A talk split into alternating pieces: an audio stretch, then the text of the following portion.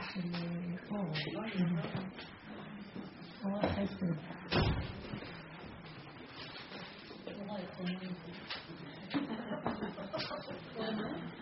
זה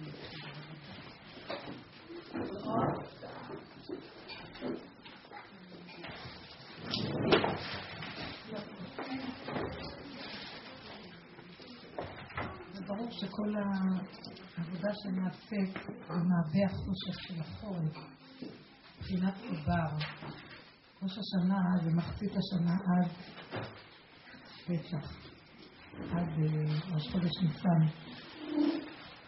ואנחנו אומרים בראש השנה, היום הרת עולם.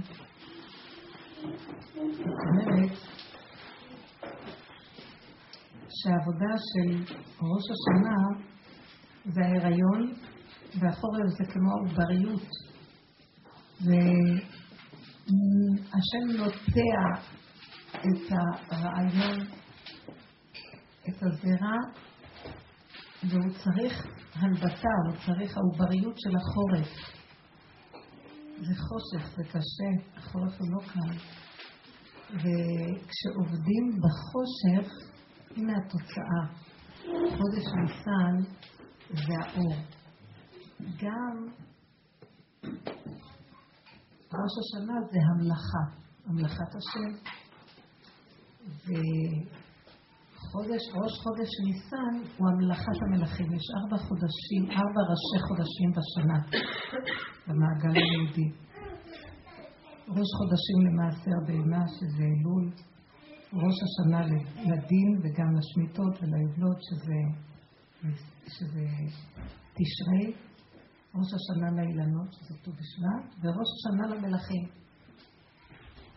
וכל העניין של ניסן זה ההוצאה לפועל. את רואה את הניצנים, הניצנים של אותה הנבטה והזרעה של החורף, של ראש השנה, היא כבר יוצאת. אם בכוח אנחנו המלכנו את השם במחשבה בראש השנה, בחודש ניסן אנחנו בפועל ממליכים אותו. הוא מתגלה בפועל. זה תחושת החסד והמתיקות. עכשיו יהיה לכם חודש נורא מתוק. חודש ניסן הוא חודש של רכות וחסד, והכל הולך בקלות ומתיקות, ויש משהו, יש אור בעברית ובבריאה. אבל בדיוק באותו ערך, כל העבודה שלנו. רב אושר, הרב שלום היה אומר,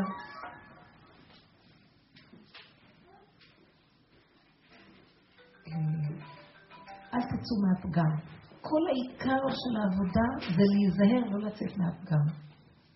לא לצאת מהעובריות, לא לצאת מיסוד הצמצום, לא לצאת מהחיבור לדבר בקטנות. את האור יביא השם. אל תחפשו לצאת מהצמצום, אל תחפשו לצאת מהחושך, אל תחפשו לצאת מהניסיון, אל תחפשו לצאת מהכאב. אנחנו אומרים רוצים משיח, רוצים גאולה, וחושבים שמשיח עניינו זה אור. אז שנדע, הוא היה אומר את זה הרבה רב שעניינו של משיח זה בדיוק הפוך. משיח הוא אדם שהוא לא יוצא מהפגם. הוא לא יוצא, הוא לא בורח מהניסיון, הוא לא בורח מהכאב, הוא לא בורח מהחושך. זה, זה, זה משיח. אנחנו חושבים משיח, אם יש כאב, רוצים משיח. אם יש צער, רוצים משיח. ולא מבינים שעניינו של משיח זה הצער, זה החושך, זה הכאב. אבל זה רגע אחד. משיח יודע לעבוד עם הרגע הזה. ואת הדרך הזאת אנחנו עומדים פה. ואז האור בו יבוא. פתאום יש אור. פתאום החורף נגמר, פתאום נהיה אור. לנו זה נראה, היא לא פתאום, אבל העיקרון של העבודה הוא איך לא לצאת מנקודת הצמצום. הצמצום עושה את הכאב. בעצם הצמצום זה לא כאב, אבל בגלל שהמוח שלנו רוצה כל הזמן לברוח, הוא כל הזמן מדומיין על אור ועל חיובי, הוא לא יכול לסבול משהו שנוגד לו את החיובי ואת האור. ובעצם, העיקר של הגילוי של השם זה לרדת מהאור ומהחיובי הדמיוני ולהיכנס דווקא איפה שיסוד הכאב והצמצום. אני לא מחפשת ניסיונות, אבל מי שמחפש את משיח ואת האמת, יביאו לו את המהלך הזה. ואם הוא שם הוא נותן איפוק, אם הוא שם הוא נותן נקודת הפנמה, מה זה איפוק? הוא רוצה לברוח. אני באופן טבעי רוצה לברוח מדבר שכואב. לא יכולה לסבול טיפת כאב. אני ארוץ לשחק אקמול, אני ארוץ לרופא. אני אדבר עם חברה, יש לי מצוקה. אני... אם, אני, אם היינו מבינים שנקודת המצוקה היא רגע אחד, אם הייתי יודע להתחבר איתה נכון מבלי לברוח ממנה. זה פשוט הפוך התהליך, הפך הטבע. מגלה אור מדהים, שמחה וישועה, והכאב היה נעלם. אבל צריך לדעת להתאמן במקום הזה, איך אנחנו יושבים באותו מקום ולא בורחים. והכוח הזה של לשבת שם ולא לברוח, הוא מתהווה כשהמוח סגור, כי המוח לא סובל את המקום הזה. המוח, הוא רץ קדימה והוא רוצה מציאות אחרת. תבינו, אנחנו חוזרים לדיבורים האלה עוד פעם ועוד פעם ועוד פעם בכל מיני צורות. ואני פשוט רוצה לומר, הגאולה היא לא קשורה איתנו, קשור איתנו שלא נברח מהצמצום ומיסוד הגבוליות והאור והגאולה והפורקן והישועה שייכת כבר, התוצאה, זה שייך לפועל. איך אנחנו מתאמנים על הנקודה הזו? אני מדברת עכשיו, אנחנו אה, ערב פסח. ברור מאליו שבאופן טבעי, שימו לב מה קורה אצל הבן אדם. המוח נפתח ומלחיץ אותנו. כמה עבודות, מתחיל להשקיף. כמה פעולות, כמה עבודות, ואז כמה כוחות צריך, ואז נהיה לחץ. כי המנגנון של המוח ברגע אחד רוצה לסדר את כל מה שיש, אז הוא לא יכול להכיל את זה, אז הוא נלחץ. הלחץ הזה עושה מצוקה, ואז אנחנו בורחים מעבודות. בורחים מהניסיון. מקטרים, מייללים, נרגנים. אני רואה שרק הבעיה זה המוח. אני סוגרת את המוח, מה קורה לי? אם אני סוגרת את המוח, לא רוצה לחשוב. אבל יש לי ידיעה, יש לי הכרה שזה פסח, ויש יש עבודות, יש דברים שצריכים לעשות. כשאני נכנסת לתוך המציאות של הנפש, לא למוח, התחושה, תחושה של הגוף. אני מרגישה שהגוף שלי עייף, תשוש, תשישות עולם. אני חושבת שאנחנו לא מחוברים לגוף שלנו, ואנחנו הרבה עפים במוח, אז לא מרגישים את התשישות. אם היינו רגע סוגרים את המוח ונכנסים, תדמייני שאת נכנסת דרך האור, לבשר, לדם, צינורות הדם, לגידים, לשרירים, לעצמות. אם היינו יודעים, אם את יכולה להרגיש את העצמות, היית מרגישה את העבירות החקוקות על העצמות. מה זה עבירות? שישות, רפיון. כאילו את נשאבת למקום שאת לא יכולה להושיט אצבע. הכל נהיה אבן, כל הגוף נהיה כמו אבן. מה שעוד נשאר לך זה התודעה. אבל זו תחושה שלא שלך הגוף בכלל. שמה התפילה היא, רק אתה יכול להפעיל אותי. זה לא ממני. כשאני הולכת מהמוח, המוח מפעיל אותי, הוא מתיז אותי החוצה. פשוט משפריץ אותי לכפייתיות ולכוחנות וללחץ, ואני כן פועלת ברמה הזאת, אני יכולה לגמור. בהינף יד, אנחנו דורכים על הנפש, שוברים את העצמות, ואנחנו נעשה את הפסח. אין עבירה יותר גדולה מזה. ככה אנחנו מקיימים בעצם את המועדות ואת המצוות ואת החגים של השם. וזה התרתי דסיטרי, זה הסתירה הכי גדולה. שהשם לא ברעש השם, לא בסערה, לא ברוח, כל דממה דקה. אז אם אני מקיימת את תורת השם, אני מקיימת את זה עם השטן. זה תורת השם שגנב את הכוח אחר. ולכן החגים יהיו לפעמים למעמסה. נכון, זה משמח כי יש בהם אור, אבל אנחנו הולכים לאיבוד בתהליך של הדבר. הרבה לחץ, הרבה סערה, הרבה התרחבות ההשגה, המושגים רחבים, צריך לקנות וצריך לעשות וצריך וצריך לקרוא. וכשנכנסים פנימה, סוגרים את המוח הזה ונכנסים פנימה, הכל נהיה כל כך מצומצם, קטן, ולא אני מקיימת. משהו דרכי מקים אותי ופועל. אם נגיע למקום הזה של ההפנמה, נתחיל לחיות חיים אחרים. הכל יהיה לאט ומעט. לא תצטרכי לעשות כל כך הרבה לפסח. ולא לא תצטרכי כל כך הרבה צרכים. לא תחלשי כל כך. אני מתבוננת ואומרת, מה התודעה של המוח עושה לי? זה לא רק פסח, כל החיים. אני לא צריכה כל כך הרבה דברים, אבל המוח כל כך צובר דברים. כל הזמן נדמה לי שחסר לו. בסוף אני עומדת, אז אני עומדת ומסתכלת ואומרת, מי ינקה לי את כל הרמות האלה, את כל החפצים האלה, את כל הספרים האלה? זה מחליש. וזו התרבות. בסוף אני עושה שריר, דורכת ויכולה. אבל זה כאילו סילקתי את השכינה, סילקתי את השם, סילקתי את המצווה, ויש נחש שמקיים מצוות. זה הגדר.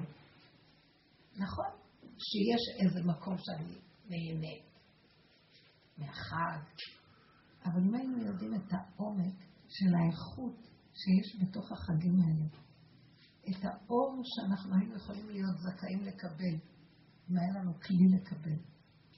ליל הסדר זה לילה הכי גבוה בכל מהלך השנה.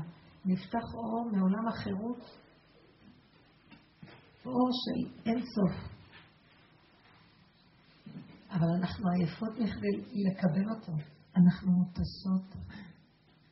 ואת יושבת ולנסדר, ואת מסתכלת על מעשה ידייך להתפאר, על המנורות המצוחצחות, ואיך שהכל מאוד מקושר. אבל כולך סמרטוט. הכל ברובד כל כך חיצוני, ויש לך עצבנות מאוד גדולה, כי זה רק מתחיל, צריכה עוד להגיש, לסדר. ואיך את מהר מתרגזת עם הילדים, לא יושבים פה סך עם ההגדה, ואם משהו כאן קופץ וזה קופץ. ותדעו לכם, זה לילה של אור כזה, שאם אנחנו לא מרוכזים בו, חבל להפסיד אותו. מה זה להיות מרוכזים בו? מי, מה שלא יהיה, את לא, קשור, את לא קשורה למה שנעשה בחוץ. אם את קשורה עם העצמות, כמו שתיארתי לכם, להתערבב פנימה, להישאב פנימה, הילדים יקפצו, ישפכו, יחלכו, הבעל יעשה משהו. אתם לא יודעים, יש תמיד כזה דבר שאני נכנסת לספר מתחילים, אז פה יש לחץ כזה, ופתאום זה לא מספיק, אז איפה זה ואיפה זה, ואז עושה לך את הסדר, עוד חסר לה זה, ואז יש מין מתח. אתם לא שייכות לכלום. אני רוצה להגיד לכם, אין הסדר, ההכנה שלו היא כל יום, כל יום. אני לא רוצה להיות יותר בחיים שלי שייכת למה שקורה. אני יודעת שיש לי מטלות ודברים שאני צריכה לעשות. האופן שאני עושה אותם זה צריך להיות מתוך הנקודה של... אני יושבת בפגם באין עונות ואני מתחננת להשם שהוא דרכי יפעיל את מציאותו. הפעולות נעשות לא בכוחנות, לא בישות, לא בסערה. האישיות מתחילה להיות, אם כל פעם אני במצב הזה, לא רק בפסח, אני נמצאת במקום שיש עולם, יש אנשים, יש ילדים, יש מציאות, היא לא קשורה אליי שאני אגיד. אתם מבינות מה אני אומרת? היא קיימת. העולם הזה, הילדים האלה, הבעל, הרהיטים, המציאות של הבית, היא לא שלי, זה של בורא עולם. מה שייך לי פה, שאני אזהר לא לעשות אותם שלי. ואז אני אצא מהעצמות, מהעצמות. אל תקרא עצמות אלא עצמות. מהעצמות הפנימיות חקוק על העצמות האור האלוקי. זה ה-DNA של האור האלוקי, הרדיואקטיביות האלוקית, שזכינו לה במתן תורה, היא חקוקה על העצמות, ואיבדנו אותה. אנחנו חיים מההד של ההד של ההד של הדמיון של הזיכרון. רוב מצוות התורה כתוב, וזכרתם אותם, תזכרו למען תזכור, תימץ את חמץ אותם, הכל זיכרון. להיכנס בדבר עצמו הוא חקוק על העצם, את חיה עם החיות שלו, בדרגה דקה. כשאנחנו חיים ככה, אתם תדעו לכם, יד נעלמה מסדרת הכול. כל עצמותיי טובה. הכוח הזה של העצמות של השם, באמת, יש בגמרא סיפורים שכתוב, היה סיפור עם רבן יוחנן בן זכאי, שישב ודרש שעתידים שערי ירושלים שערי ירושלים, או שערי בית המקדש, שטבעו בתוך הים, טיטוס לקח אותם והם טבעו בים, עתידים לצוף. כל שער, ואז דרש מהפסוק של ישעיהו, ישעיהו, ושם, ושמתי שמשותייך אבני אקדח. זאת אומרת, הדלתות של בית המקדש, מה זה אבני אקדח? אקדח, אבני אקדח זה יהלום. אז דרש רבן יוחנן בן זכאי שכל דלת של בית המקדש היא יהלום אחד שלם. זה לא יהלומים קטנים שסידרו דלת, יש שני שערים כאלה, אלא כל דלת של שער היא אבן יהלום שלמה. קם אחד התלמידים ואמר לו, רבי, איך יכול להיות? אנחנו יודעים שהיהלום הכי גדול בעולם זה לא גדול מביצת תרנגולת. פה אתה מדבר על יהלום אחד שהוא כגודל השער. שתק רבן יוחנן. לימים הפליגה ספינתו של אותו תלמיד בים, והוא ראה את מלאכי שרת מעלים את דלתות בית המקדש מן הים. באמת, כל דלת הייתה עשויה מאבן יהלום אחד ככה כתוב במדרש. בגמרא. רץ אותו תלמיד לרבו ואמר לו, רבי, נכון אמרת. מלאכי השרת הראו לי את המקום הזה. אתם יכולים להבין איזה תלמיד זה היה. וגם כן צריך להבין מה זה לימים הפליגה ספינתו של אותו תלמיד. זו הייתה הפלגה בנפש. ואז הראו לו, היה במדרגה כזאת שהראו לו שיש כזאת מציאות. עכשיו, כשהם הראו לו, הוא רץ ואמר, רבי, נכון הדבר מה שאמרת. הסתכל עליו רבן יוחנן, והפך אותו לגל של עצרות. נתן בו את עיניו, זה הלשון, והפך אותו לגל של עצרות. לא, הוא אמר לו קודם, רקע, אם לא היית רואה, לא היית מאמין למה שאמרתי, נתן בו את עיניו והפך אותו לגל הזה. היה חסר לנו המשפט הזה. רגע, מה, עכשיו, שאלתי את אבא שלי, אבא שלי לא זוכרת את המאמר הזה. אמרתי לו, מה, בגלל שהוא לא האמין לו, הפך אותו לגל של עצמות, זה נשמע אכזרי. איזה נקמנות. אז הוא אמר לי, חס ושלום. הוא הסבר לי יפה. אמר לו, אמר לו, רגע, נתן בו את עיניו, זאת אומרת, הוא הכניס את האור הפנימי שלו לתוך המציאות של אותו תלמיד, רוקן אותו מהספק והמוח והבלבולים של המוח. וגילה לו את העצמות, הפך אותו לגל של העצמות, הוא אמר לי, הוא גילה את העצמות שלו. חיבר אותו לעצמות הפנימית שנמצאת בעצמות, ששם יסוד האמת מצוי. אז בעצם עשה לו דבר טוב. זה לא שהוא התנקם בו, איך זה נשמע לנו דבר נורא ואיום, הפך אותו לגל של עצמות. אז זה בעצם הזכות שהייתה לאותו תלמיד מרבן יוחנן, הזכות שלנו מהדרך. אם אנחנו מתעקשים בעבודה נכונה, תדעו לכם שאנחנו עמוסים לעייפה מהמוחים. והוא לא נותן לנו לראות כלום.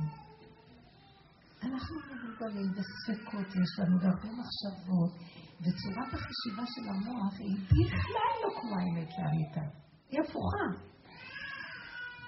או שהיא חיובית או שהיא חיובית. ואם היא חיובית, אנחנו רוצים כל הזמן לחפש פתרונות ולהיות בשליטה. הכוח מושך אותנו. מחפשים תוצאות.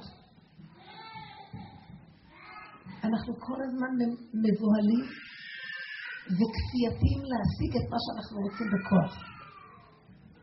אי אפשר להשיג את האמת במקום הזה.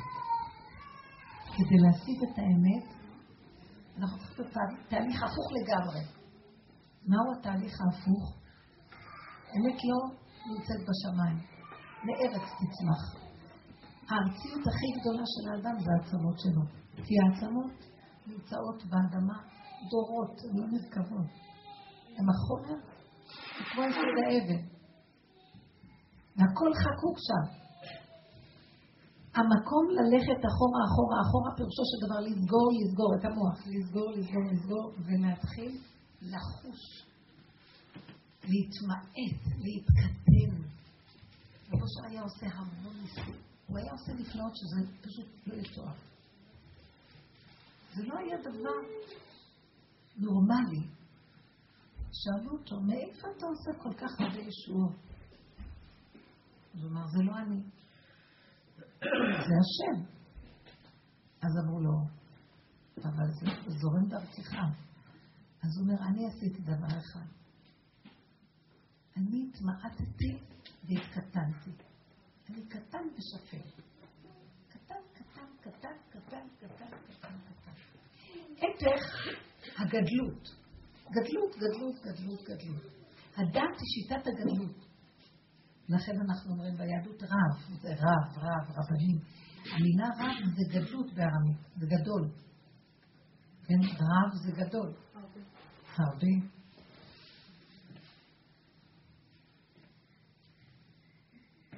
וזה בסדר? כן, יש תיקון לדעת. אבל התיקון לגילוי האלוקי זה לסגור את הדת, זאת אומרת להתקפל. השכינה נמצאת בתוך האדם ואי אפשר להשיג אותה רק בקטנות. להשיג את השכינה רק על ידי התקטנות הדעת. נקראת הרחל הקטנה, במושגים של הקבלה, חוכמת האמת. האמת, ברב ובגדלות אפשר להכתיר את ההשגה, את המוח, את הידיעה, את ההבנה. במציאות האמיתית אנחנו תופסים את האמת רק כשאנחנו בקטנות. אני רוצה שנדבר על הקטנות. האור של פסח, משיגים אותו כשיש קטנות. אה, המצווה לשחוט את קורבן הפסח, הפסח היה אליל של מצרים. הפסח הזה, קורבן פסח הוא הטלה. הטלה היה סמל של מצרים, מזל טלה. מה? בגלל זה ניסן גם... מזל טלה, נכון. שולט, מה זה טלה? זה העיל, זה הכוחנות. מלשון אל, אל, אל הום, כוח יש לו. עצבנות, חיות. אנחנו מצווים לקחת אותו ולקשור אותו לרגלי המיטה. ארבעה ימים קודם לוקחים, מושכים את הפסח וקושרים אותו, מנמיכים לו את הכוחות. מיטה בטית, אבל אנחנו מבינים שזה מיטה בתת. כי אנחנו הלא ממיתים את אותו כוח בתוכנו. זה התנאי לגילוי האור. כל הגדלות והישות. החמץ, כל כולו זה התפיחה והגאווה. והגדלות. ההתמעטות. המצות הן סוד הצמצום, קטנות. כל היסוד הגורם לתפיחה אסור בפסח. ובבית המקדש, כל המנחות, שזה היה בא מהקמח, מנחות היו קמח, מנחה, מחווה, סולת, ביולה ושמן, כמו רקיקים, הם היו עשויים תמיד ממצה. זאת אומרת, לא היה בהם חמץ. אסור היה שיהיה חמץ במנחות שבבית, שבבית המקדש כל השנה, חוץ מלחם הביקורים בשבועות, שאז אוכלים את החיטה הראשונה. אבל ככל שהקדושה יותר גדולה, התנאי לקדושה זה הגבלה. לך הגבל את העם לפני מתן תורה. צמצום, הגבלה, התמעטות, קטנות. המוח זה היסוד של ההתרחבות. בואו נסביר למה. צמצום שאני אומרת לכם, צמצום של מה? מה את רוצה שאני אצמצם את הבשר?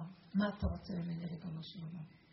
שאני אצמצם את מה?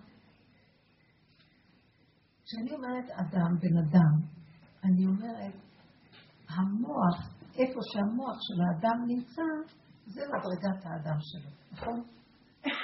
אם המוח שלי עכשיו נמצא בגניבה, זו מדרגתי, אני אדם שגנב.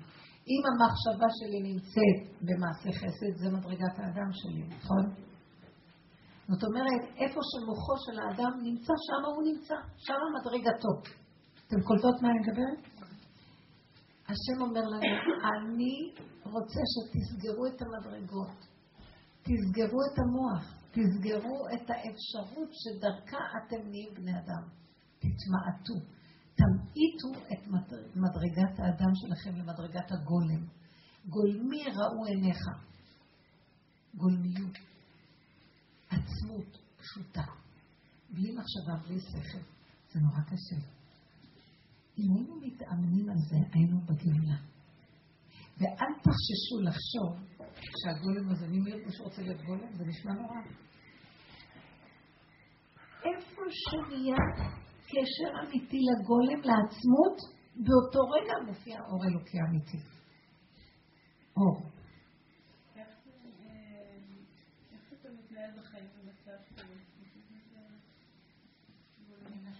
תלוי למה את קוראת חיים.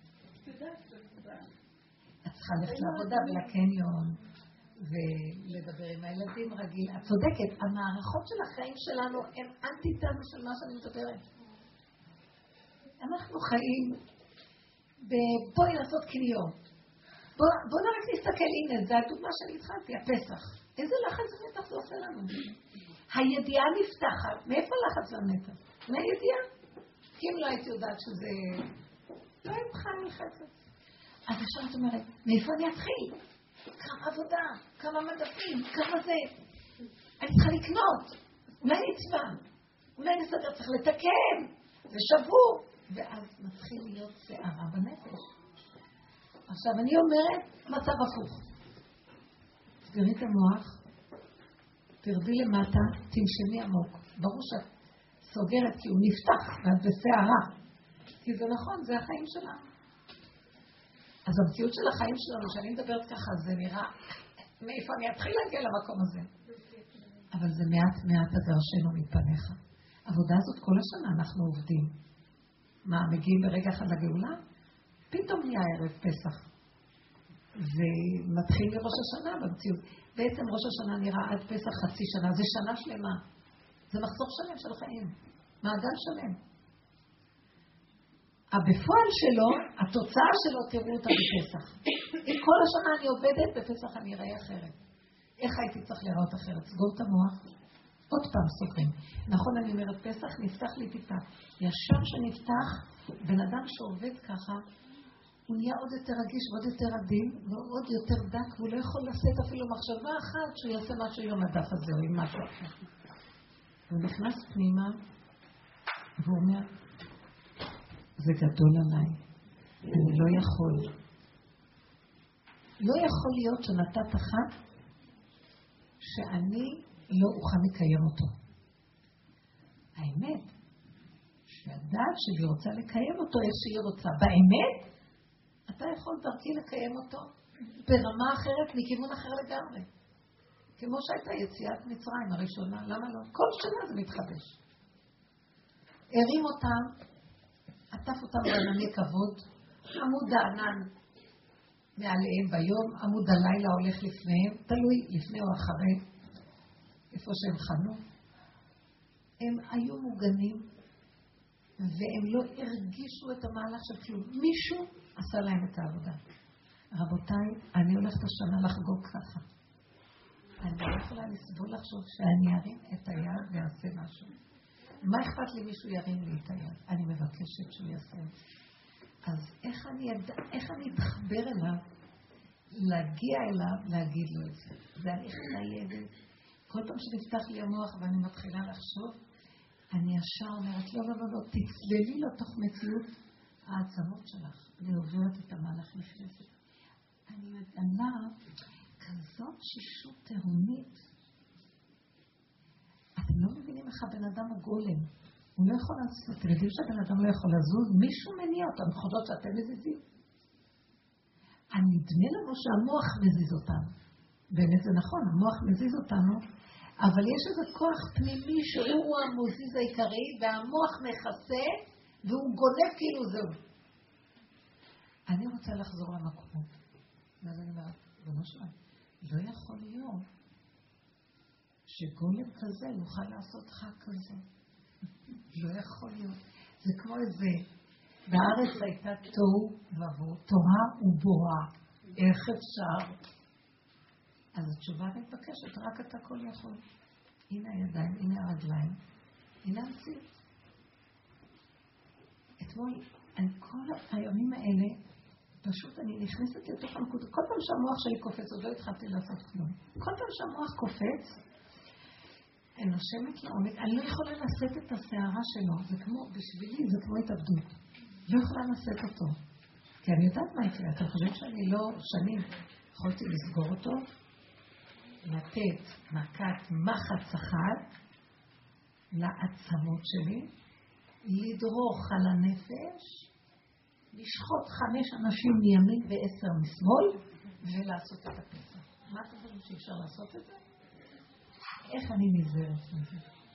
אז אני נכנסת פנימה ואומרת לו, אבא לי, אני רוצה לחוות את הכלום שלי, ממש. תעשו תרגילים.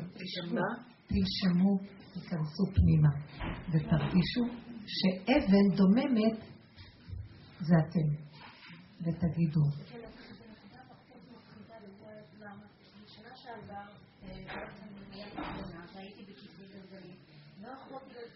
המקום הזה שבן אדם לא יכול לזוז, זה מאוד מפחיד.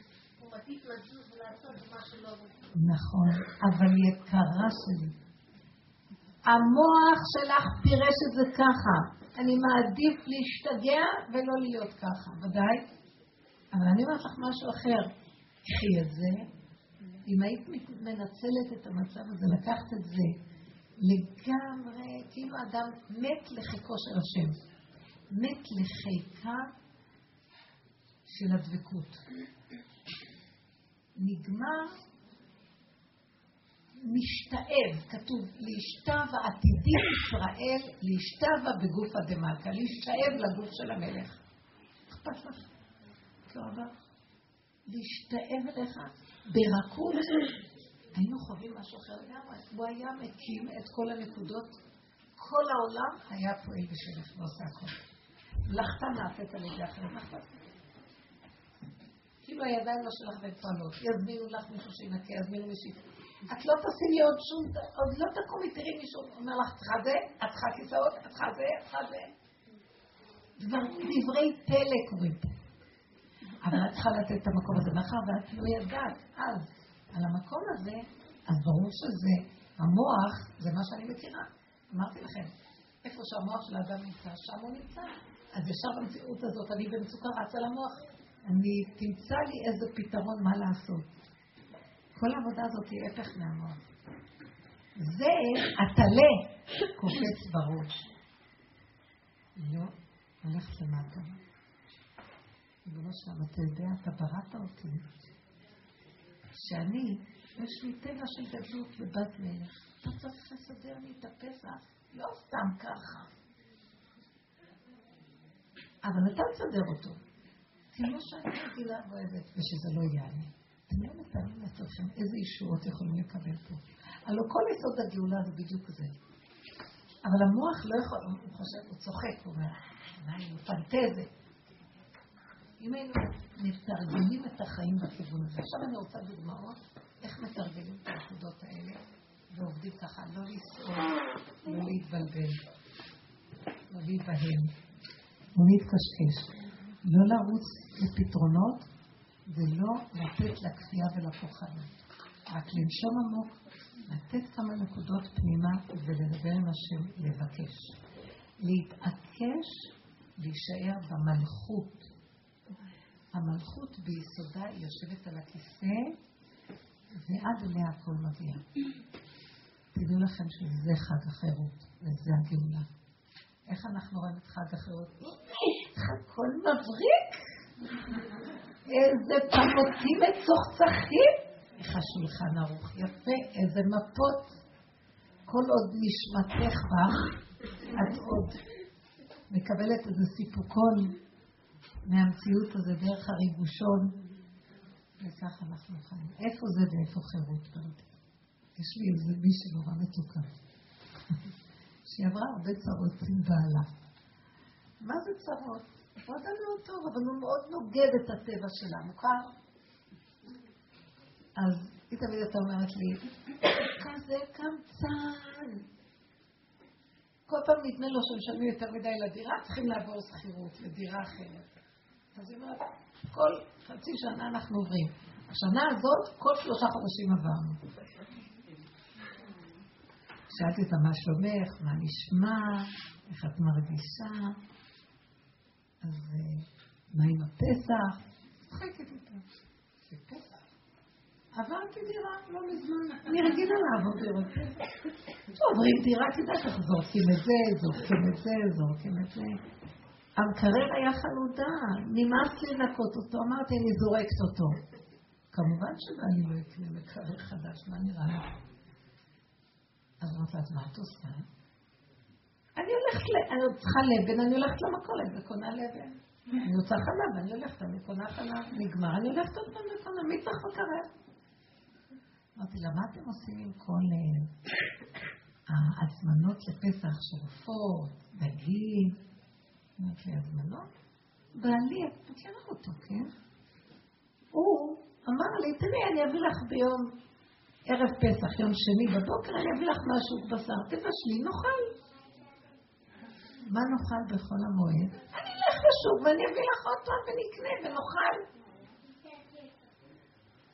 היא אומרת לי, את יודעת, לי נגמר הפסח כבר. הנה, אין הרבה חומרים בבית, אין כלים להכיל את החומרים, כי אין לו ארונות כל כך ולא מדפים כל כך. אני מוצאת את עצמי אומרת לי, הולכת לים המלח, לבריכה. אתם שומעות ערב פסח.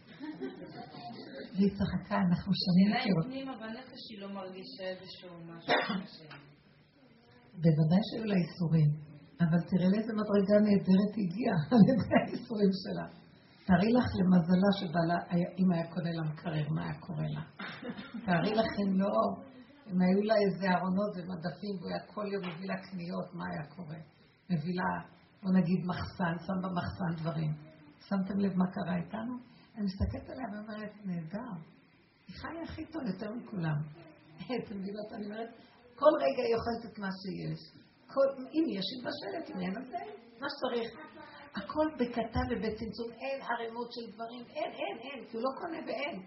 אז יש מה שיש קצת, ואם זה חיים. אז לא צריך הרבה לעבוד. אז יש לה הרבה זמן פנוי לעשות בינתיים דברים אחרים. תגידו לי, מי יותר בן חורים, היא או אני? עכשיו אני אסביר לכם למה אני בן.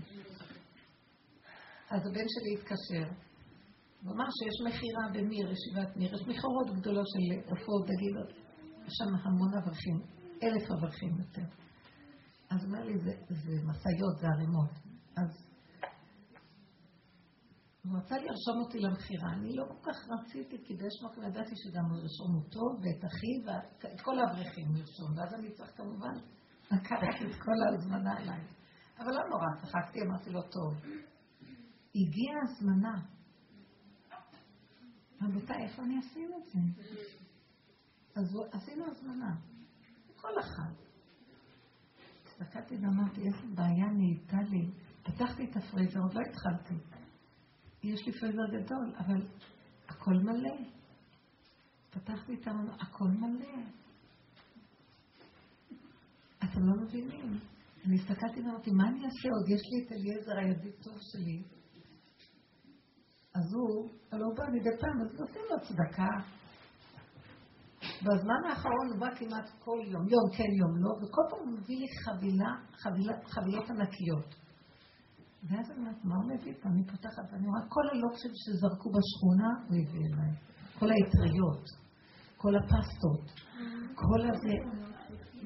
אני מסתכלת, אני אומרת, מה אני אעשה עם כל זה? זאת אומרת שהבית שלי מלא, מלא, מלא חמץ, מלא דברים. אני אומרת, רק רגע. חלשה דעתי, אין לי כוח להכיל את זה. תגידו לי, מי יותר טוב? היא או אני? מצבה של מי יותר טוב? מי יביא לה בשר? נניח שמשפחה של שבע נפשות, הוא יביא לה מהשוק והיא תבשל. אין לה הרבה סירים. אז יש לה קצת. הכל בקצת יש פה שליטה, בפשטות. אני רוצה, תראו, מבחינה חיצונית אני מדברת, אבל היא עברה הרבה כאבים, ובסוף היא למדה, השם הכריח אותה לבוא לצמצום. הייתה לה גדלות, והבעל בכל הצורה של החיים הכריחה אותה להיכנע, ובסוף היא יותר בת חורים ממני. היא לא צריכה לעבוד ערב פסח כמעט כלום. הכל בקטן.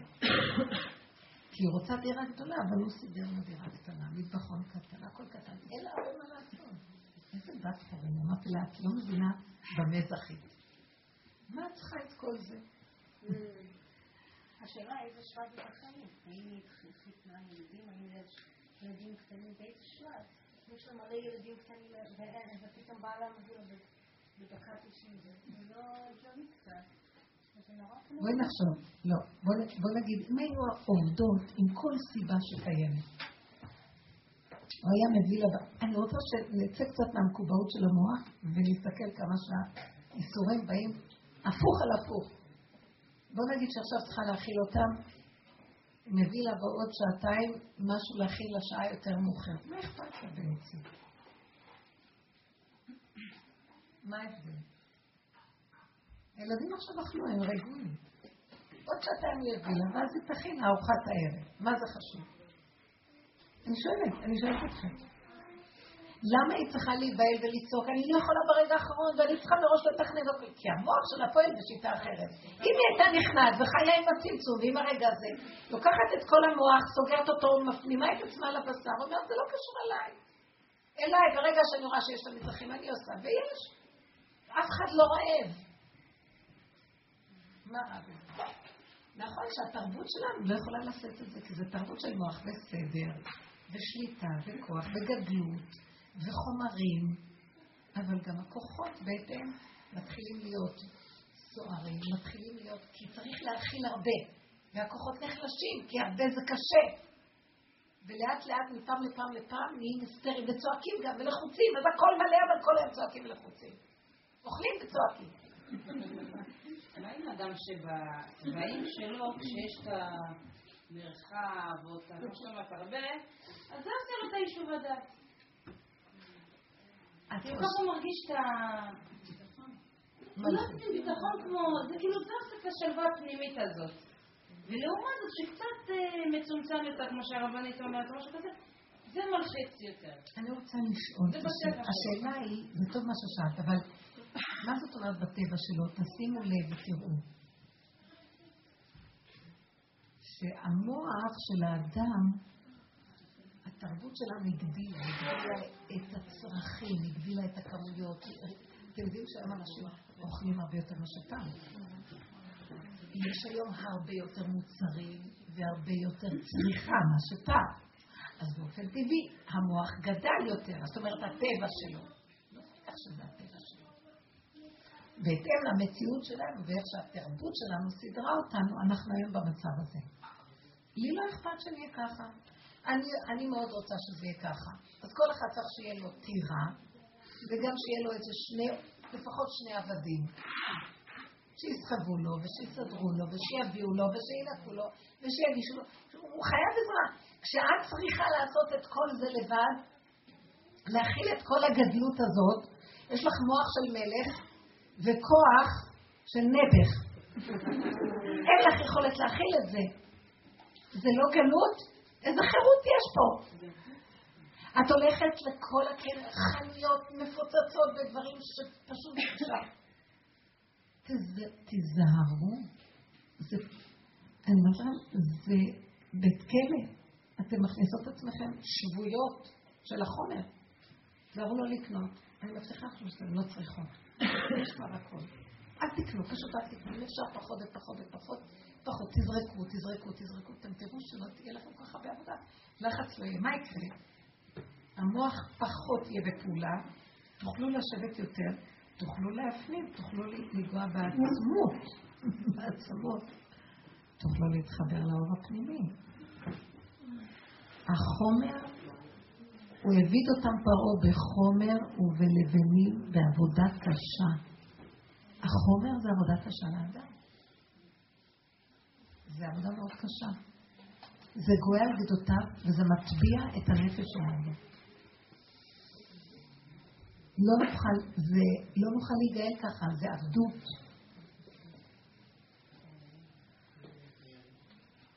תעשו תרגיל, אני חושבת שסוד הצמצום זה, תשאלו את עצמכם, אתם באמת צריכות את זה? לא צריכה. כשאת מכניסה לפה, תגיד, את באמת צריכה להכניס את זה? את באמת חייבת את העוגה הזאת? את באמת חייבת לקנות את המצרך הזה? למה לא ללכת בחזרה למקום של הצמצום הפשוט, אוכל פשוט, פחות קשר עם המון אנשים, פחות לדבר ולהסביר, פחות לדעת, הכל פחות. מה יקרה? יהיה לך המון רווח של כוח, של זמן, של רגילות, שתוכלי להכין ולהשיג משהו אחר. אתם מבינות מה אני מדברת? אנחנו כאילו נמצאים בכזה לחץ וספין, ספורפרה כזאת של סיבוב, שהוא כל כך חיצוני ושטחי, שאף פעם אנחנו לא יכולים להגיע לפנימיות שאנחנו כל כך רוצים להגיע אליה. ובשנייה שהחיים נעלמים, מה חשבתם לכם? אז רצנו אחרי גידול ילדים, וניקיון בסדר, והרבה זה. 80 אחוז ממה שאנחנו עושים בחיים, אין להם נצח ואין להם תכלית. סתם, זה פעולות. והולך לאיבוד החיים. אתם מבינות מה אני מדברת? אם אנחנו מחפשים את האמת, קומץ. אני מסתכלת ואומרת, אל תחשבו, הגדלות גונבת. אל תחשבו שהריבוי יש לו מעלה. הריבוי, המלכות היא ריבוי. אבל השם נותן את הריבוי כשאני מוכנה להיות בקטנות. אז הוא ייתן לי ריבוי, גם יכול להכין את הריבוי. והוא גם זה שיסדר את כל מי שיטפל בה. אבל לא אני. מה קרה? המוח גונב אותנו מריבוי, זה טוב. בבקשה, תסדר לי איזה פיליפיני, או איזה מישהו שיעזור. לא, זה את, את, את, את, את, את, לא את. את יכולה להכיל את זה? אנחנו שבויים של תוכנית אכזרית. אנחנו לא חיים את החגים באמת, ולא נהנים מהם באמת, ולא זוכים לחיות את היסוד של האור הפנימי שיש בכל דבר. אנחנו כמו ליבה לחושך ענן וערפל, מקיימים את השבתות ואת החגים. אתם בכלל מבינות מה אני מדברת? בעבודה הזאת, אם אני מתעקשת בדקויות של המידות והתוואים כל רגע ורגע, שהעולם מנסה אותי, איך אני משתמשת בניסיון למשל, כשבא איזה ניסיון בחוץ, במקום שאני אדבר, אכעס, אדרוש, אוכיח, אצטדק, אתנצח, אני שותקת, זה כואב לי באותו רגע, נכנסת פנימה ואני אומרת, לא שווה לי, לא שווה לי, לא שווה לי, לא שווה לי. נכנסת, משתרבבת פנימה ושותקת. אני השתמשתי בסיבה שהשם הביא לי, שזה הבן אדם הזה, או האישה הזאת, להתווכח, ואני משתמשת ואומרת, אני לא רוצה ללכת בדרך של ההחצנה, נכנסת פנימה, החיים נהיים אחרת לגמרי. אני מתחילה להשתמש למקום הזה. השתמשתי בסיבה הזאת, בזמן הניסיון, כדי לבנות את הפנים שלי ולהתחבר לאור ששוכן בתוכי בעומק. השכינה. ואם הייתי עונה, פותחת המוח והולכת עם הסדר הטבעי הרגיל, הייתי, זהו, אני כבר הייתי נסחפת למקום של שודדים, ששודדים לך את הכוחות, אוכלים לך כמו...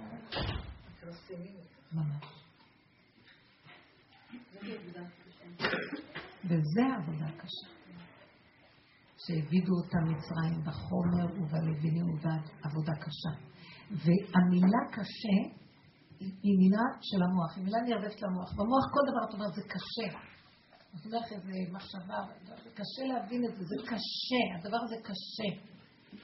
זה המושג של תלמידי חכמים בגמרא, זה קשה, זה קושייה. ש... כי זה באמת, במוח צריכים את הקושיות, וזה קשה.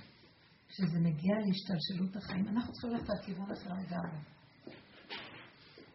לכן אמרו חכמים, נשים דעתן קלות, לא ללכת על הקשה.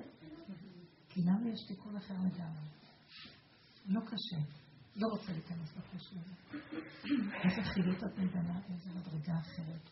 חיים אחרים פשוטים, נקיים, קטנים, איכותיים. הם, יש להם ריכוזיות שמשם יכול להתגלות האור הגנוז. הוא לא נמצא בגלות. זה בדיוק הפוך. אפשר לעבוד ככה. בואו ניקח דוגמאות מהחיים. כמו שאת אמרת, איך אפשר בחיים הרגילים להתנהג ככה? ואת צודקת, אי אפשר בחיים הרגילים להתנהג ככה. את יכולה ככה. שאת רואה דבר שהילדים לא עושים כשנראה לך. או שהבעל לא. במקום להגיב עם הטבע שרוצה לצאת, כי זה גירוי תגובה, להפנים את התגובה, לא לתת לגירוי למשוך ממני תגובה, זה רגע של כאב, וזה מה שאמרת לכם. משיח יושב במקום הזה של הכאב. הוא לא מגיב, הוא לא הולך החצנה, הוא הולך הפנמה, הפנמה, הפנמה, הפנמה. זה מקומו של משיח. אז לרגע יש כאב, כי זה נוגד את הדעת. אני רוצה תוצאה, אני רוצה להוכיח אותו, אני רוצה להגיד לו. אם אני לוקח את הדבר הזה ונכנס פנימה, יושב שמה, נעלם לי הבן אדם, נעלם הדמות, הניסיון. עשיתי לו, איך קוראים לזה? טרנספורמציה. העליתי ממנו את הנקודה, תוכו אכל קליפתו זרק. שם היה אור הגנוז. רבו שר אמר, זה המקום שממנו הוא היה עושה ניסים ונפלאות. לא היה עושה.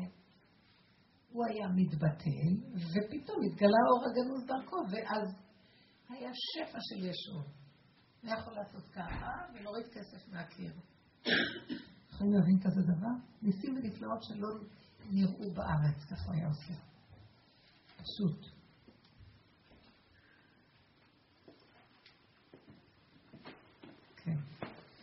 שאלו איזה רב גדול, כאילו, איך זה שכשהוא מברך, אז מתקיים מה שהוא מברך? אז הוא אמר, זה לא כי אני מברך, אז זה מתקיים. זה אותו רגע שלפני שאנחנו, שאני נותנת את הברכה, אותו בן אדם, כן, הוא מוכן להיות כלי לקבל על עצמו משהו שאפילו שהוא לא היה רגיל, או לא תמיד רצה בו, או לא היה מסוגל לעשות אותו, אבל הוא, הוא הכניע מעצמו, ואז בזכות זה הברכה כביכול מתקבלת, לא בזכות אה, הרב עצמו כביכול. זה סוד הקורבנות. הרב מברך. הכהן מקריב את הקורבן, אבל, אבל הבעלים מביאים קורבן. להביא קורבן. זובח יצרו. ואנחנו לא יודעים לתת קורבנות. המוח לא יודע לתת קורבנות. הוא לא מוותר. הוא כוחני. הוא מאוים. הוא אה, כפייתי. כל הזמן נדמה לו שמרמים אותו. כמו ילד קטן. ואילו הבגרות הנפשית נמצאת בפנים. ואז את מוכנה להיכנע ולתת. לתת שם תביא ככה, שזה המציאות שהוא אמר לי הבן אדם, שזה יהיה ככה. כן, הוא אמר לי, הוא פגע בי. הוא אמר את הדבר הזה, ודבר פגע בי, אני לוקח את הפגיעה, ואני אומרת, עזבי אותו. את רואה שאת פגיעה? מה זה הפגיעה הזאת? כי את לא יכולה להכיל. שהוא אמר, אז אל תכילי, בלי להגיד לו כלום. תגידי, הנה, מה זה לא להכיל? אל תתני למוח לקשקש ולהכיל את זה פה. תסכימי. זה נקרא שאת לא מכילה את זה. כאילו, נכון, וזה מתחלק. נכון. אם תלכי למקום הזה, גם הכאב ייעלם, ומשם תגלי את האור הגנוז. זה בנות יקרות, אני רוצה שתבינו, זה תהליך הפוך מהטבע. ושם נמצאת הגאולה. מה אתם חושבים? זכרתי לך חסד נעורייך, אהבת גלולותייך, לכתך אחריי במדבר בארץ לא זרועה. אומר המדרש, מה? זה ישעיה הנביא אומר, מה הוא אומר? השם אומר לעם ישראל, לא שאלתם מה נאכל, מה נשתה, ילדים, נשים, זקנים, טף, יוצאים, בן לילה, לא לקחו איתם כלום, גם צידה בקושי לקחו איתם לדרך. לאן הולכים? איזה מלון נשען הלילה? לא שואלים כלום, הולכים. זה קטנות, זה התמעטות, זה אמונה, זה הכנעה, זה פשטות. אני לא יודע, אני יודע הרגע הזה. עוד רגע יהיה עוד רגע. באמת אין יותר מרגע אחד בעולמו של השם. ואחרי זה עוד רגע. אל תחברי עוד רגע ועוד רגע, ומה נאכל מחרתיים? לא. כמו שאכלתי לפני רגע, יהיה רגע הבא, אני לא יודע עכשיו. לא, תחליט הידיעה שלא נדע. זה כוח ההתמעטות והקטנות, הורדת ראש, וללכת אחר הנקודה. באמונה פשוטה. מה זה אמונה? אתם יודעים מה זה אמונה? איפה שנסגר המוח, ואת לא נאבקת עם כלום, ולוקחת כל מציאות כדבר קיים, זה אמונה. זה לא מוח. את לא צריכה להיאבק על האמונה. פשוט תסגרי את המוח, אין מאבק, ככה. מה שנשאר אחרי שהמוח נסגר, זה אמונה, ככה. אמר לו, במה אדע כי ירשנה? אמר אברהם אבינו לקדוש ברוך הוא על ארץ ישראל. על זה הוא קיבל. אתה שואל אותי מהמוח במה עדה, זו שאלה. כל סימני שלה באים מהמוח. למה? כמה? במה עדה. היית, התשובה האמיתית זה שתוק ואתה תדע. איך? אני לא יכולה להסביר לך, אתה תדע. אתה תדע, כשזה יגיע לנקודה, תדע. אני אמרתי לך, אם השם אמר, תדע שזה בסדר. מה זה תדע פה? זה לא תדע של מוח. תדע, תאמין שזה יהיה בסדר. מה זה תאמין? בוא ניקח עוד מילים. תצייר שזה כבר קיים. זאת אומרת, תדע שזה קיים. אין לי מילה. מה להגיד? איך אומרים? יש לכם איזה מילה אחרת להגיד? תדעי שזה בסדר. כשאני אומרת לך, תדעי שזה בסדר, זה לא ידיעה כזאת. כל מציאותך רגועה, שקטה, אין קושיות אפילו. תהיי בסדר. תהיי בסדר. תהיי, הוויה. כן. ככה. בנות, אתם מבינים מה זה אמונה? זה לא עוד מחלקה במוח, ואז יש מלחמות, אז ככה וככה וככה. זה לא נקרא אמונה. אמונה זה מי.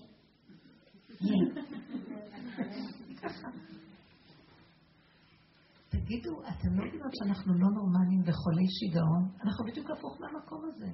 למה? כמה? מה אתה עושה ככה? ואז מתי אני ככה? אני לא רוצה ככה. תראי לי רוצה ככה, שיהיה ככה. אכפת לי.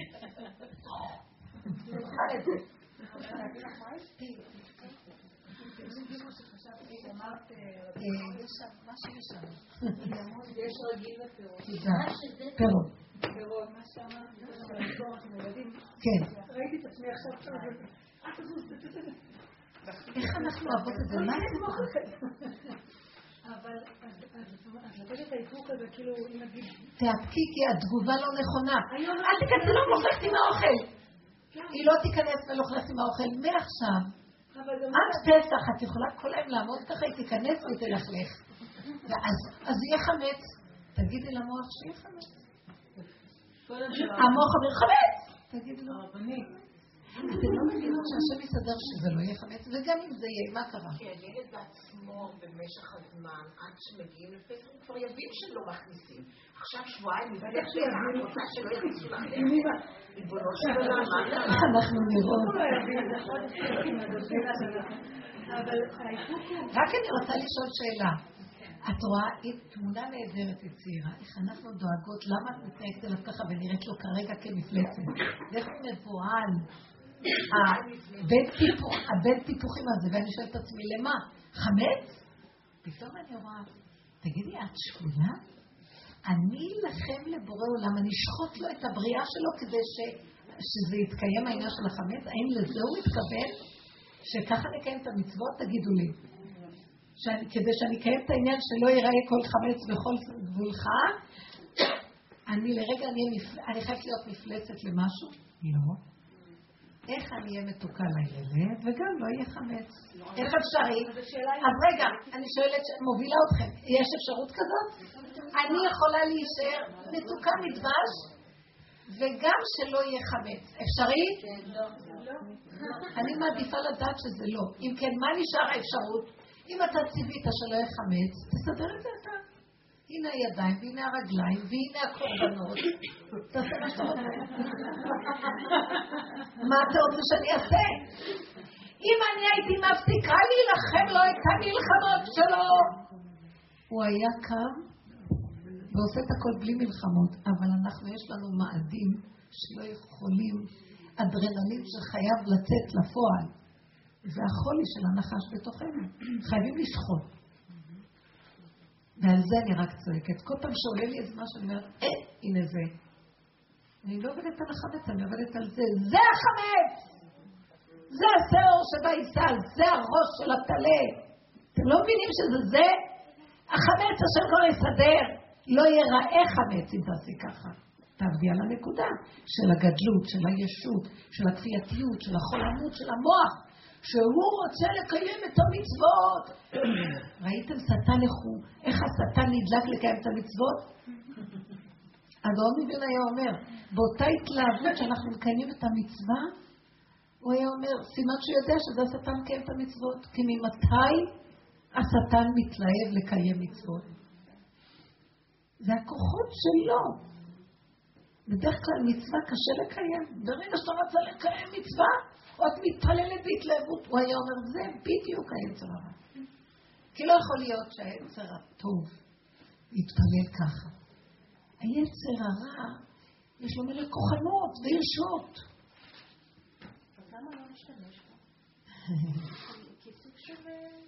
אז הוא גם גונב את הכל. הוא מתפלל בהתלהבות, והוא מקיים את ה... בגלל שאנחנו עושים הפרדה. זה מצווה, זה לא מצווה, זה תפילה, זה לא תפילה. אז אנחנו יכולים או להיות במצווה או לא להיות במצווה, וזה לא ככה. זה בדיוק הנקודה. שבי עם הסיבה ותקראי לקדוש ברוך הוא. אחר כך תזהרי מהכוח, מההתלהבות, מהסערה. תרגיעי, תקררי, תנעתי ותיכנסי לגולמיות. מהמקום הזה עובדים את השם באמת. ככה הוא רוצה שנקיים מצוות, אתם יודעים? ככה משיח מקיים מצוות. מה אכפת לו? לא אכפת לו, זה לא שלו. כלום לא שלו.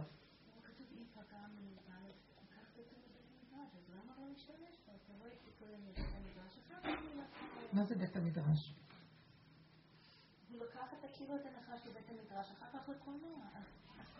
לקח אותו לבית המדרש. מה זה לבית המדרש? תרשי לי. לבית המדרש הוא לקח אותו, והוא פירק ומצא מה היסוד שלו. מושכהו לבית המדרש. מה עושים בבית מדרש?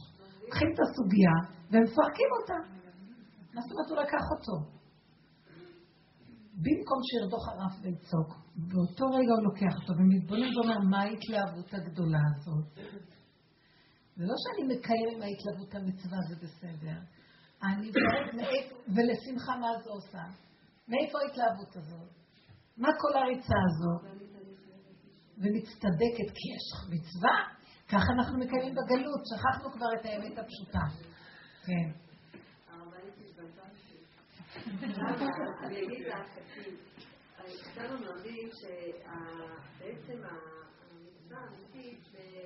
בבוקר, השכם בבוקר, הזריזות לעשיית המצווה, כמו שאברהם אבינו קם, ופתח תדע, השכם בבוקר, מצוין בעוד מספר פעמים השכם בבוקר, הזריזות של המצווה. וגם כל פעם מדובר על העצלות, העצלות שיש בה יצר הרע, ושבעצם העצלות זה כאילו... בואי נראה לך מה זה נקרא כאן עצלות. עצלות כאילו שאדם אין לו כוח לעשות את המצווה, הכל אומרת הפוך על הפוך, לא, אחד שהוא קשה לו להתפלל וזה, כאן זה האמת, ואחד שהוא קם בבוקר בלט וזה, יש פה את ה... כי מה זה נקרא לקיים את המצווה? כשהשטן קם לקיים אותה בהתלהבות וגונב אותה והיא שלו והיא לא שייכת להשם, אז אם אני רואה שהוא עושה ככה, אז אני לא בהתלהבות קם לעשות, מבינה?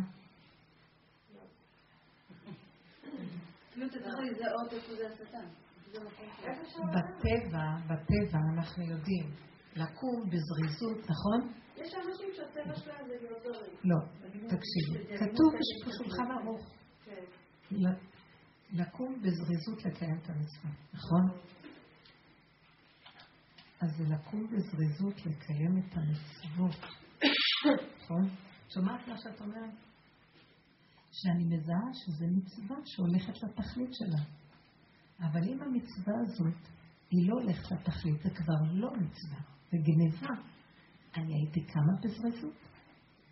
אז בפרשנות הראשונית, אני מבינה אותה, צריך לקום לעשות מצווה בזריזות. השלב הבא, אני צריך לפרש מה זו מצווה. מצווה הבאה בעבירה, מצווה הבאה בגניבה, מצווה ששוחטת וסוערת ומלכלכת. את זה אנחנו כבר לא שמים לב, אנחנו רק קוראים שצריך לקום במצווה. שמתם לב? אז זה גוף הפרשנות המיידי. אבל יש מדרגה יותר דקה, שעכשיו את צריכה לברר תחת נפה, יותר דקה, 13 נפות. מה היא באמת המצווה? לאן זה הולך? גם הכלבים יכולים לאכול את הבשר. לאן הבשר הזה הולך? לאן המצווה הזאת הולכת? בעבודה שלנו אנחנו רוצים לדייק.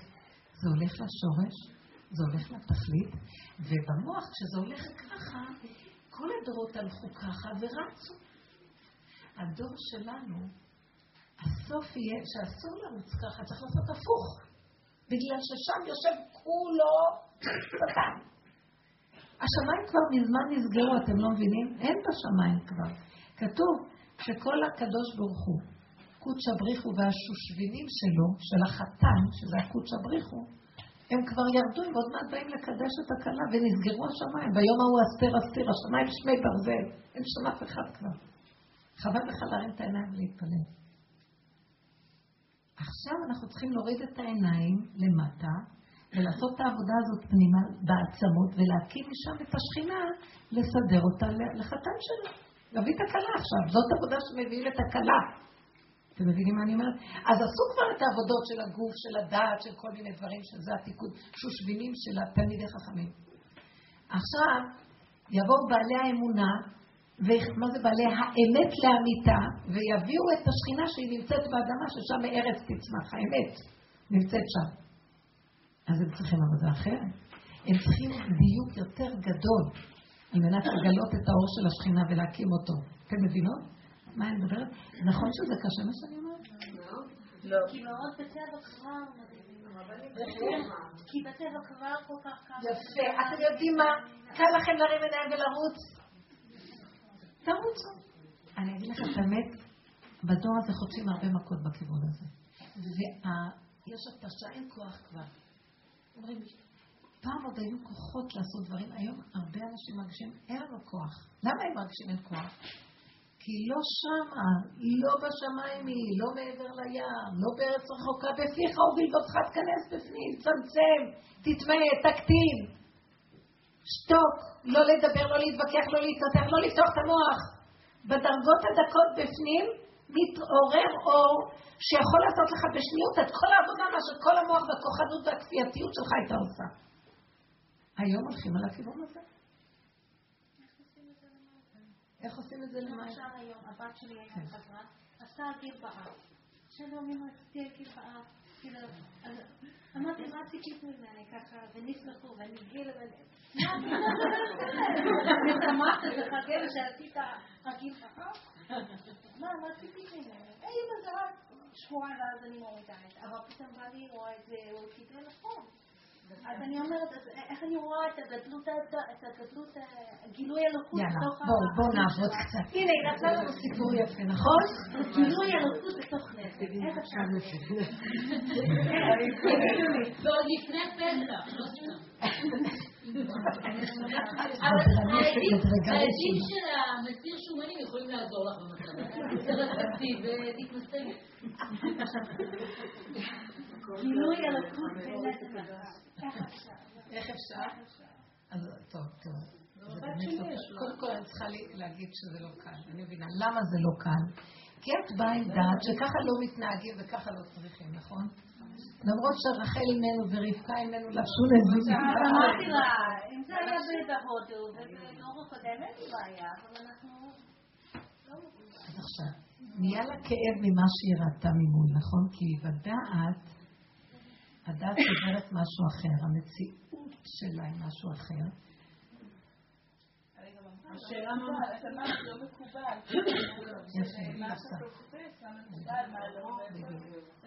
אז בדיוק זה מה שרציתי להנחית. זרקו אותם מבית ספר כזה דבר, אז מה, פתאום יהיה לי בת בת חמש אשר בבית כמה חודשים ללא מסגרת, בגלל איזה נזם.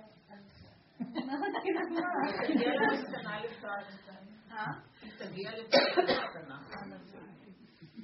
בוא נעזוב אותה ונסתכל עלייך. שווה לך כל הבלאגן היא בטח יודעת שעל נזם זורקים מהבית ספר, אז אם יש לה פה אולי איזה מטרה אפילו. לא, פשוט, הנה, רציתי לדעת איך הרגשה נזם באף. רצתה להרגיש מה זה. אמרתי, בשביל מי עשיתי את זה? בשביל החברה? לא, רציתי לדעת איך...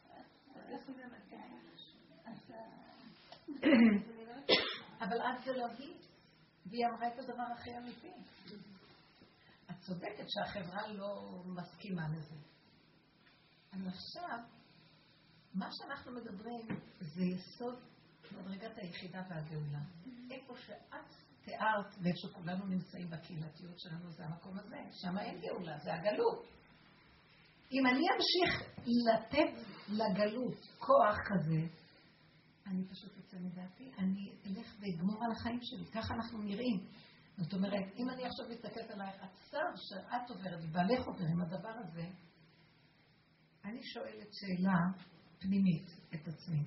האם לזה הקדוש ברוך הוא הביא אותי לעולם שאני אסבול ככה? האם זה התורה שהוא רוצה ממני?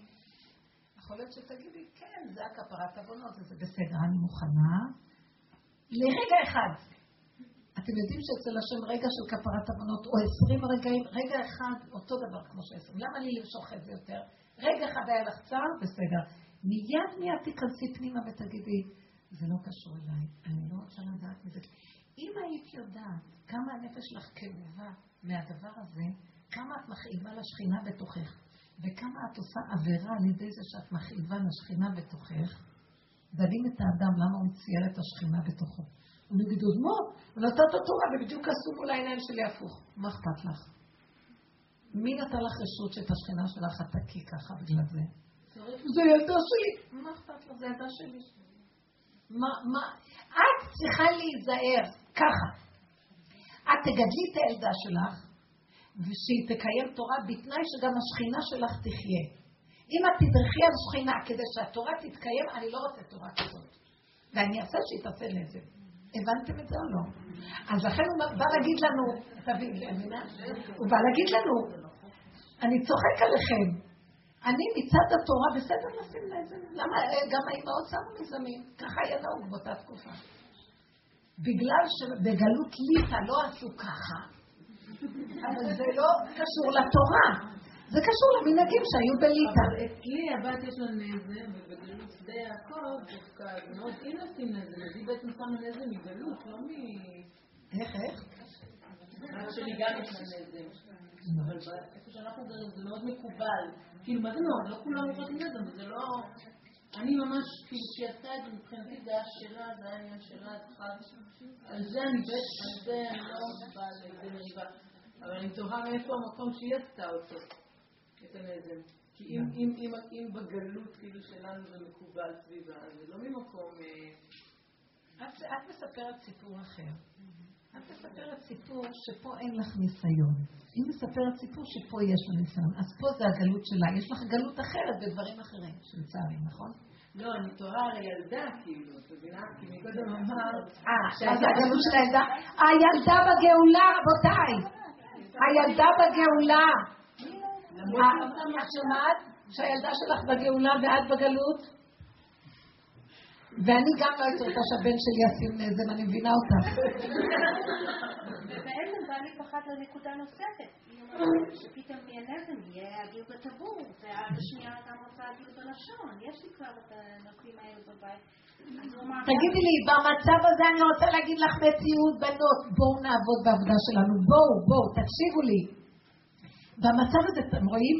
בעלה נבהל, כי הוא יגיד זה, והמוח שלו רץ, איזה גיהנום זה, ושלה רץ, וששניהם, והם יושבים כאובים, כשהילדים עוד לא עשו כלום בינתיים כזה, אבל איזה גיהנום. אבל זו המציאות שלנו.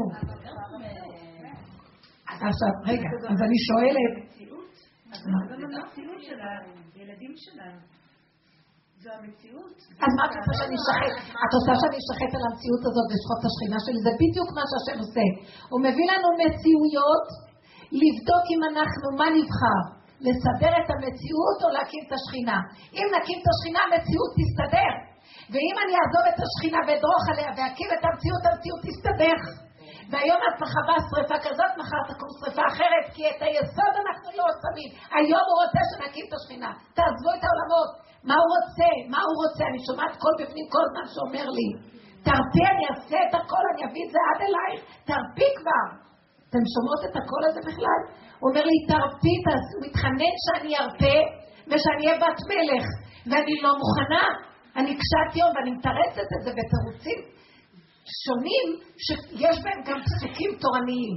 הוא אומר לי, אני השם שבראתי את התורה, תקשיבי לי, אני אביא עד אלייך את הכל במתיקות וערבות. איך? לא, לא, לא, לא, לא. לקחת את הנקודה שכואבת, מה משיח היה עושה? היה לוקח את הנקודה ונכנס איתה פנימה, והיה מגדיל אותה, את הכאב, ומוסר את זה להשם, ואומר לו, אני לא יכול, רק אתה כל יכול. כך הוא מקים את השכינה. השם יקים את השכינה שלו, כי הוא לא יכול. כי מה הוא עושה? אני יכול לטפל בילדה, בינתיים דורך על השכינה. אני אומר, אני לא יכול לטפל בילדה, כי אני אהרוג את עצמי מצער וכאב, בעצמי יש בו שכינה. אני מרים את הכל אליך. השם יבוא ויסדר את הכל. והאימא עושה את העבודה, האימא עושה את העבודה, בוא נגיד היא עכשיו חוזרת הביתה ועושה את העבודה. ובאותו זמן יש את, ה... את כל הסביבה שעושה את ההפך, כן? אז מה יקרה?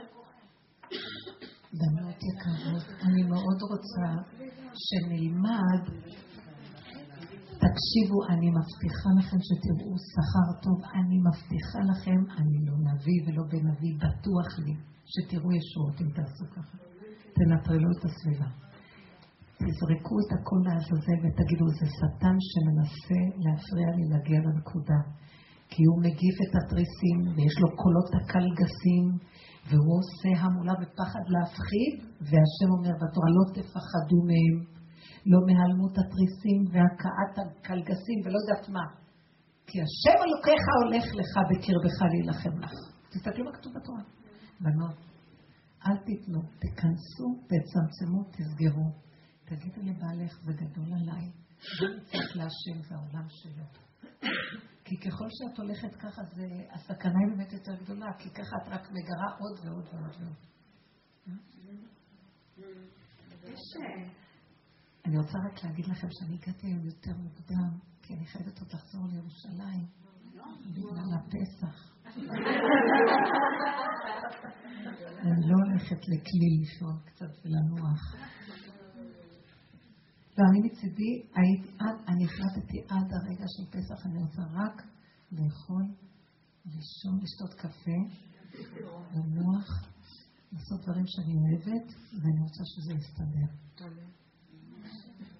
ואז רציתי גם לבוא לכליל, כליל רוח, לא אכפת לי כבר, אין לי כוח, אני כמו זאת שבעלה קונה בערב פסח את הכל, למרות שיש לי הכל מלא, אבל הם שם עושים משהו, וכנראה עף להם הגג, הייתה רוח מזרחית, אז הצימר שלי אין לו גג. אז הבנתי איזה סיבה. לחזור הביתה. הייתה רוח מזרחית חזקה ואף הגג של הצימר שלי. מה זה אומר שהייתם רוצה שתחזרי הביתה לנקות? אז לא, אני חוזרת, אבל אני לא, אני לא, אני חוזרת, חמודה. אני לא חוזרת, אני חוזרת, אבל אני, לא, אני, זהו, אני אמרתי.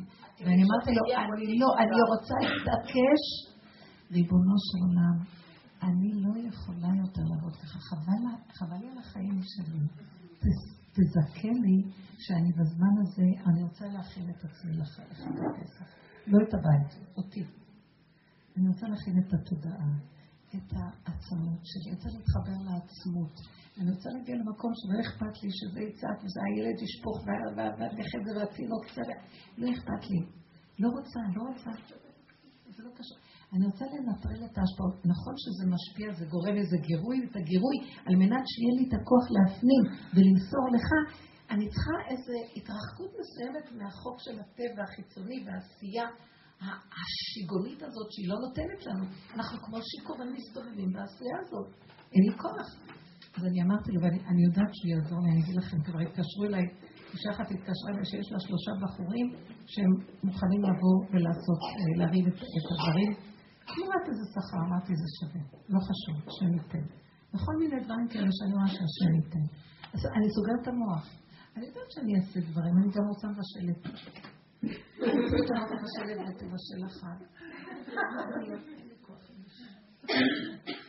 אני רוצה שתבוא בשל. אני רוצה, אני בתיה בת פרעה. ותושט את המטה. אמרו שההיכל של בתיה מאוד גבוה בשמיים. אני פשוט, אני מבטיחה את האמת. אני מבטיחה לכם שהשם יסתכל בידי. זהו. אם אנחנו נפתח לו את הפתחים, הוא ייתן. לא שאני, אני לא רוצה להיות במקום, אני לא, אני רוצה בבית ואני רוצה את זה, אבל לא בשיגעון, לא בסערה, לא ברעש. כל דממה דקה. אני רוצה לספר לך סיפור. אמ, החלטתי שאני מתקשה מאוד לקרוא טקסטים יהודיים, כל המילים והראשי תיבות והכל מאוד קשה לי, ושאלתי מה לעשות, אז אז אברהם שמלמד אצלי אמר לי, תקחי ספר של נחמה בליידוביץ' ותקראי פרשת השבוע וכל פעם וככה תשתפרי. וטוב, אז הלכתי לספרייה בצפת והייתי צריכה לקחת את אה, נחמה אה, שמות. ו... אז אני הלכתי לספרנית ונתן לי את המספר והלכתי למדף וחזרתי מהמדף והתעסקתי והתעסקתי והתעסקתי, אין ספר שמות. שאלתי אותה, איך יכול להיות, אז היא אמרה, היה רק אחד שהוא בסגול, שאסור לקחת. אבל איך זה יכול להיות? אז היא אמרה, זה כנראה חובה בקורסים, והתלמידים לקחו ואין. ואני קודם זה, והלכתי וחזרתי ועמדתי על זה, ורציתי להיות uh, קצת אלוהים קטן של הספרייה, שמה שאני רוצה זה מה שיקרה. אבל לא הצליח לי. ואז עשיתי את עצמי קטנה קטנה והתקשרתי לסורית, כן, זה קטנה, כן, וניסיתי, התקשרתי לסורית, אמרתי לה, אין שמות. אז היא אמרה, טוב, אז תקחי בראשית. אז קטנה קטנה הלכתי למדף השני שהיה שם נחמה ליבוביץ' בראשית, ולקחתי אחד של בראשית. ומסכנה כזאת, הלכתי לספרנית והיא רשמה את זה, וזה היה שמות. איזה מתוק, כן. מתוק. איזה יופי. עם המספר של בראשית, כאילו זה משגע, זה המספר של בראשית. אז בנות, לא ברעש, לא בסערה, אבל הניסיונות של הרעש והסערה זה כדי להביא אותנו אה, להתאפק רגע, להפנים, שם נמצא משיח, זה מה שרבו שרי אומר. משיח זה לא הגאולה מהסערה, הוא נכנס בתוך, תוך, תוככי הסערה. ושם מתגלה לו השם, זהו. הוא יושב בפתחה של רומי, בתוך כל הסערה של תחנה המרכזית של רומא. שם מתגלה לו השם. אנחנו, מה שאת אומרת, הניסיון הזה זה מהשם. כנסי פנימה, תמסרי לו את זה. נשארת בסערה כי המוח רוצה לפתור את הבעיה, ברור. זה התרבות שלנו. הוא רוצה להיות יכול, הוא רוצה לפתור, והוא מתעקש עם עצמו, והוא חרד ודואג. הוא נשחט. בפנים, השכינה מפרפרת בקולות של גסיסה. אם היינו שומעים, רבו שלנו, אם היינו שומעים את הקולות של הנשמות, שזה כל הכוח הפנימי שנמצא אצלנו, גוססים וצועקים צעקות איומות של כאבים, לא היינו יכולים לעמוד בזה רגע אחד. אנחנו ישנים. וטוב לך מזה, בוא נגיד, יש ישועה מההתנהגות של הפתרונות וזה, זה לא. לכן כל העיקר של העבודה זה היסוד הזה של כל הניסיונות של החיים, כל הבעל, הילדים, החברות, האירועים, החגים, מעגל השנה, כל זה זה סיבות להביא אותנו פנימה ולמסור להשם. בגלות אנחנו חיים אחרת. גוף הדבר, פסח, סיבה לרוץ ולהשתגע. חתונה, חתונות, איזה סערה סביב החתונה. ילדים, איזה סערה סביבם. בעבודת הנפש, בדיוק האמיתי של הבפנים, זה רק סיבה להתחלה של עבודה. זה עושה לי את הסתירה ואת הכאב, ואת אותו כאב אני מוסר להשם. אם לא היה הסתירה והכאב, אז לא הייתה לי עבודה, לא היה מסירה. חייב להיות סתירה לרגע אחד. דוד המלך אומר, בצר הרחבת לי. במיצר, אני יושב במיצר ולא זז, ואתה מרחיב, לא אני הולך לחפש פתרונות להתרחבות. זה כל התפיסה. מן המיצר קראתי, ואתה ענית לי במרחב. תגלנה עצמות דיכית. כל העצמות הזאת שהכנסתי את הקטנות שלי לשם, תגלנה. יהיה שם גילוי ויהיה שם גיל ושמחה. וזה הגאולה וזה החירות. הקטנות. כל היותו של עם ישראל לגוי, אתם המעט מכל העמים. כי לא מרובכם חשד בכם השם. אנחנו בתפיסה של לכי מעשי את עצמך, להתמעט ולהתקטן, ולמסור את המציאות להשם. אז החלק הראשון של כל העבודה היה דווקא מצד המוח להתגדל ולהתגבר, ולהתגבר ליצר הרע ולהיות יכולים והכל. עשינו את זה כל הדורות. אני מבינה מאיפה של הודות, כולנו בתפיסה הזאת. זה החינוך. החלק השני, וזה הולך ונהיה יותר ויותר. כי השם מביא את כל התנאים שאנשים לא יוכלו לסבול יותר, ללכת עם הכוחנות. כי הכוחנות תעקש אותנו. היא תעשה לנו הפוך על הפוך, אנחנו נצא משוגעים מהחיים. אז אנשים לאט לאט לא רוצים. גם הדור הבא מתחיל לבוא, דור כזה שלא רוצה. מעדיף מלכתחילה לא להיכנס בזה, ולא בזה, ולא בזה. יש יותר פשטות של קבלה והתמעטות. פחות פעולות, יותר פשטות. זה המקום שאם אנחנו שם רגע אחד נעצרים ונותנים את הקורבן הזה של הטבע, שזה המוח, וההבנה, וההשגה, והמלחמה, הרצון למלחמה. אם אנחנו רגע אומרים, לא, אני לא רוצה לבחור שם, יושבים בשקט, כל החיים שלנו יראו אחרת לגמרי. גם בשלום בית, גם עם הילדים ייכנס כוח של אמונה מדהים, כוח של גילוי השם, ואתם תראו ישועות שהן לא בטבע, קטנות, מתוקות, בטבע, לא בשמיים אבל לא בטבע. משהו אחר מתגלה מימד חדש בתוך מציאות הטבע, וזה יסוד החירות והגאולה. לא בשמיים היא בנות. הגאולה לא תהיה בשמיים, היא תהיה פה, ואחר כך זה 40 שנה של ימות המשיח, ואחר כך יהיה תחיית המתים ראשונה ותחיית המתים שנייה, כך כתוב, ואחר כך נלך לאלף השביעי, שזה ברוח רוחני. אבל עכשיו זה בגוף, בעולם הזה, בבשר ודם, איך שאנחנו. וזה יראה אחרת, בתוך הטבע. את תראי את הפעולה הכי קטנה של טבע, אלוקות. תרימי את הכוס, ואת תרגישי, מישהו מרים לך ואת תדעי שזה לא את. מספיק. את לא רוצה שמיים, ואת לא רוצה מלאכים, ואת לא רוצה זיקוקים. זה גילוי מרגש מהבשר את חשה. זהו. את לא רוצה שום ניסים ונפלאות. זה נס! את מרגישה בנפש. אני אומרת לכם, אני רוצה לשבת ולהרגיש איך שהפסח נעשה. זה כאילו נראה טבע, אבל זה לא יהיה אני, אין לי כוח. מה זאת אומרת לא אני? יכול להיות שני הידיים שלי יצאו פעולות. לא רוצה כוחנות, לא רוצה לחץ, לא רוצה מתח, לא רוצה תסכולים. לא רוצה להתווכח כמה זה עולה, חבל, אולי נחסוך. לא נורא, אני אעשה את זה לבד, חבל להביא מישהו. אתם מכירים את כל החשבונות? בטח. לא רוצה חשבונות. אתה תיתן גם זה וגם זה וגם זה וגם זה וגם זה, ולא חסר לך דבר. ואנחנו סוף סוף ממלכת כהנים וגוי קדוש ובנות מלכים. תגידו, מה הולך פה? לא רוצה להתמסכן, לא רוצה לגדל ילדים במסכנות, לא רוצה בעל ואישה במסכנות, זוגיות עלובה שכזאת. לא יכולה יותר לסבול את זה. זה, זה חולני. מה זה זוגיות יפה? שקט, רגיעות. תעשה מה שאתה רוצה לעשות, ואני מה שאני צריכה. אף אחד לא ידחוק את השני ויחנוק אותו. הגינות, פשטות, רכות.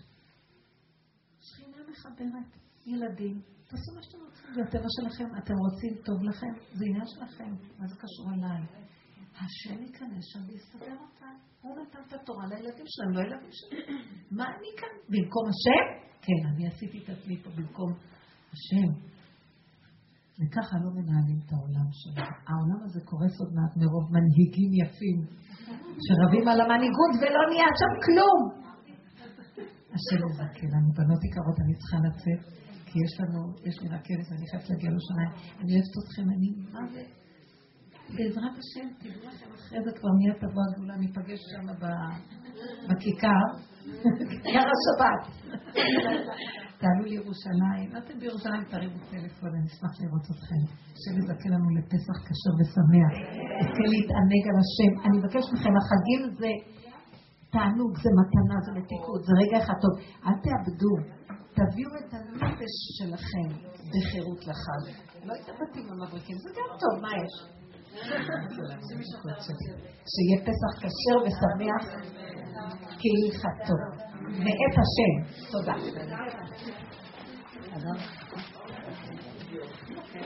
נהיה בקשר אחרי החג, תתקשרו עם הגרה.